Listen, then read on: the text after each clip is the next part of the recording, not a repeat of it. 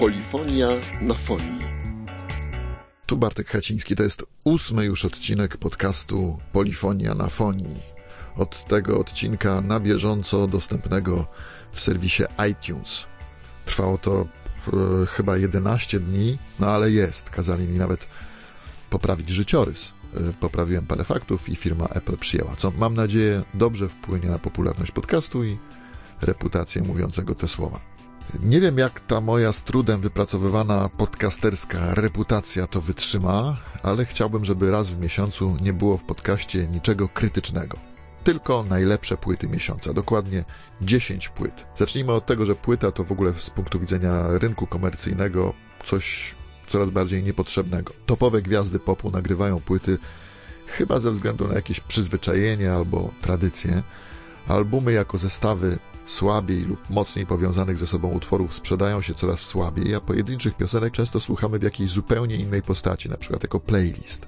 Czasy serwisów streamingowych nieszczególnie jakoś premiują słuchanie albumów, a artyści też szukają nowej formuły, nagrywając albo płyty, które składają się z mnóstwa krótkich utworów, żeby im się opłacało, no bo odsłuch każdego nagrania liczy się osobno, albo przeciwnie, nagrywają bardzo krótkie płyty, żeby sobie nie zawracać głowy wypełnianiem ich słabszymi kompozycjami, tylko zostać przy tym, co tak naprawdę mieli do powiedzenia.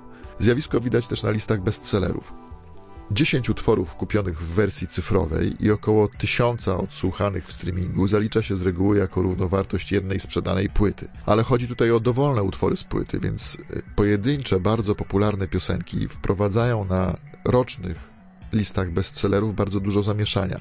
Powodują, że na liście najlepiej sprzedawanych albumów roku 2019, który akurat w tym tygodniu opublikowała IFPI, taki światowy odpowiednik SPAW-u, w pierwszej czwórce mamy aż dwie płyty koreańskiego boysbandu BTS i dwie ścieżki dźwiękowe z filmów Król Rozrywki i Narodziny Gwiazdy. No ale szkoda czasu na narzekania. Oto ekspresowy przegląd 10 najwartościowszych moim zdaniem płyt marca. 1. Little Sims Grey Area. Żebym teraz dobrze to wymówił. Simbiatu Simbia Bisola Biola Ajikało. To jest artystka szerszej publiczności znana jako raperka z płyty Gorillaz. Występowała zresztą gościnnie na Openerze, ale to, co się dzieje na jej kolejnej solowej płycie, wydanej oczywiście jako Little Sims, przebija zdecydowanie to wszystko, co robiła u Damona Albarna.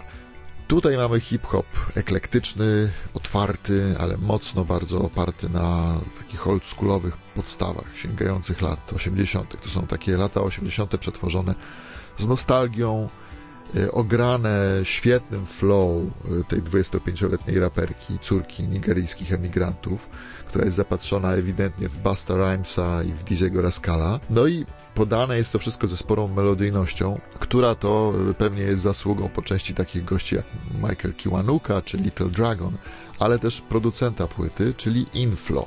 Prywatnie Aleksa Baranowskiego, który jest wnukiem zesłańców syberyjskich. Jego dziadek służył w armii Andersa, kupił nawet wtedy akordeon używany do dziś przez młodego producenta, a kupił go po bitwie o Monte Cassino.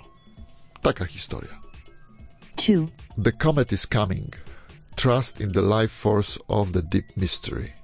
Jeśli Kamaziemu Washingtonowi udało się nawrócić na saksofon i zestaw brzmień formacji jazzowych całe grupy ludzi zamkniętych dotąd na jazz jako taki, no to Shabaka Hutchings w formacji The Comet is Coming powinien sprowadzić do tego świata całą resztę. To jest y, kosmiczno-rockowo-jazzowe trio, które oferuje stylistykę bardzo atrakcyjną, bardzo czytelną i tak prostą, że naprawdę potrzeba złej woli, żeby tej całej otwartości nie zauważyć, nie docenić. Energią mogłoby to napędzić pewnie jakieś średniej wielkości miasto, szczególnie perkusista Bitamax, prywatnie Maxwell Hallett który wykonuje tutaj jakąś nieprawdopodobną robotę w y, drugim planie. Szabaka na planie pierwszym, podobnie jak Kamasi, nie uchyla się przed y, wchodzeniem w tych swoich prostych riffach saksofonowych pewien monumentalizm i cień San Ra unosi się nad całym przedsięwzięciem.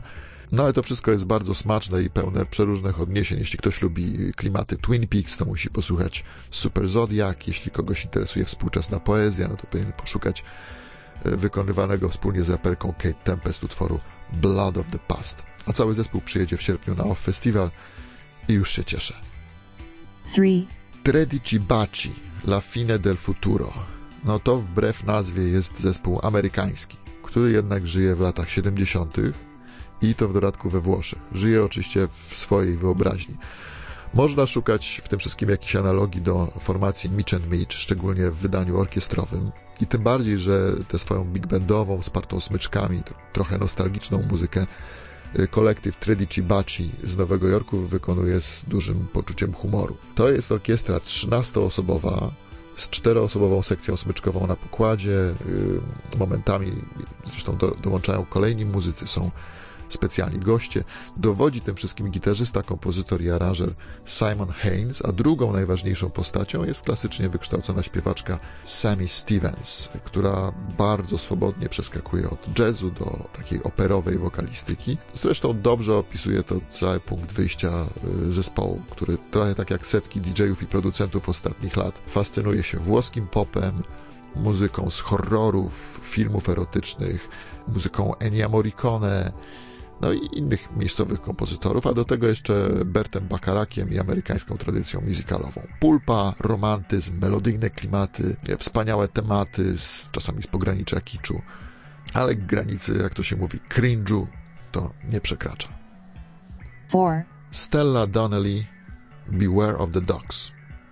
Ten właściwy debiut australijskiej wokalistki po wydanej wcześniej epce to jest coś dla miłośników wyrafinowanego popu. Czasem w tekstach dość mocnego, feminizującego, a czasem y, tryskającego czarnym humorem i bardziej luźnego, zawsze pełnego zaskakujących zestawień, na które trudno właściwie zareagować jednym słowem. Weźmy piosenkę Boys Will Be Boys.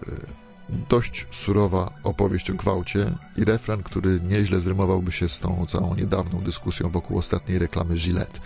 Gdyby nie to, że powstał dużo wcześniej bo to jest jedna ze starszych piosenek Donnelly. I to raczej ta piosenka mogłaby być na upartego inspiracją dla całej tej społeczno-reklamowej akcji. Ogólnie bardzo dobra kombinacja lekkości i ciężaru gatunkowego w znakomitym wykonaniu, bo Donnelly jest w tych utworach zarazem autorką i aktorką, która to wszystko interpretuje na koniec. A cała płyta jest z gatunku tych, które no, warto sobie kupić wcześniej i mieć na półce, żeby później z triumfem powiedzieć, że się było z artystą od czasu Kill Em All. 5. These New Puritans, Inside the Rose. 22 marca zmarł wielki Scott Walker i tego samego dnia ukazała się nowa płyta braci Barnettów, nagrywających z rzadka, ale coraz ciekawsze płyty. Ta, może nawet wielka, brzmi jak gdyby chcieli połączyć estetykę Depeche Mode z okresu albumu Violator z taką mroczną i bardziej awangardową myślą producencką kojarzącą się właśnie ze Scottem Walkerem chociażby. Inside the Rose y, ma w sobie bardzo niedzisiejszy element muzyki tworzonej na przełomie lat 80. i 90., czyli y, to są z grubsza czasy, kiedy Barnettowie przychodzili na świat. Muzyki poukładanej, zaprojektowanej, trochę bardziej na piechotę, na papierze niż w edytorze komputerowym. To jest muzyka, która nie boi się gestów rodem ze współczesnych produkcji orkiestrowych, nie boi się przegiętych zabiegów na granicy kiczu i takiej dobrze pojętej artrokowości. W układzie oczywiście na elektronikę, fortepian, smyczki i perkusję. Trudno się od tego oderwać. 6. Nilüfer Miss Universe londyńska wokalistka i autorka o korzeniach bardzo skomplikowanych irlandzkich, kreolskich i tureckich. I tak samo skomplikowana stylistycznie jest ta muzyka. Nie zmieści się w żadnej szufladce, więc w ogóle nie ma sensu nawet próbować.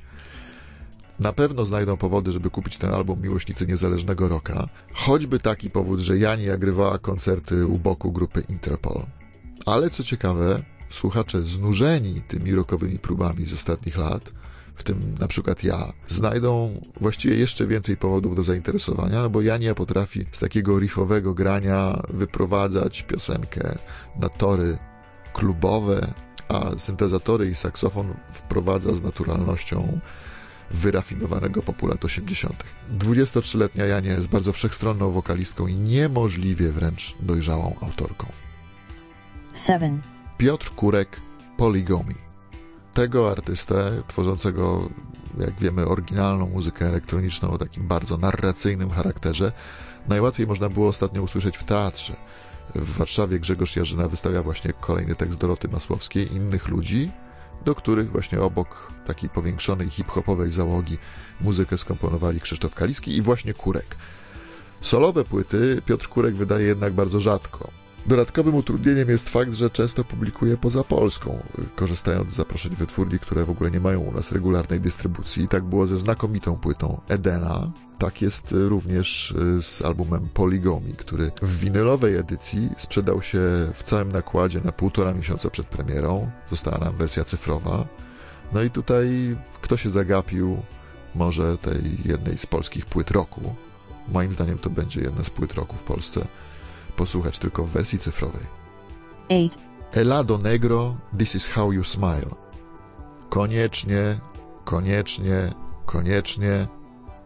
I to dla bardzo różnych grup słuchaczy. Na przykład jak ktoś y, dużo oczekiwał od ostatniego Lamb Chop, ale się rozczarował.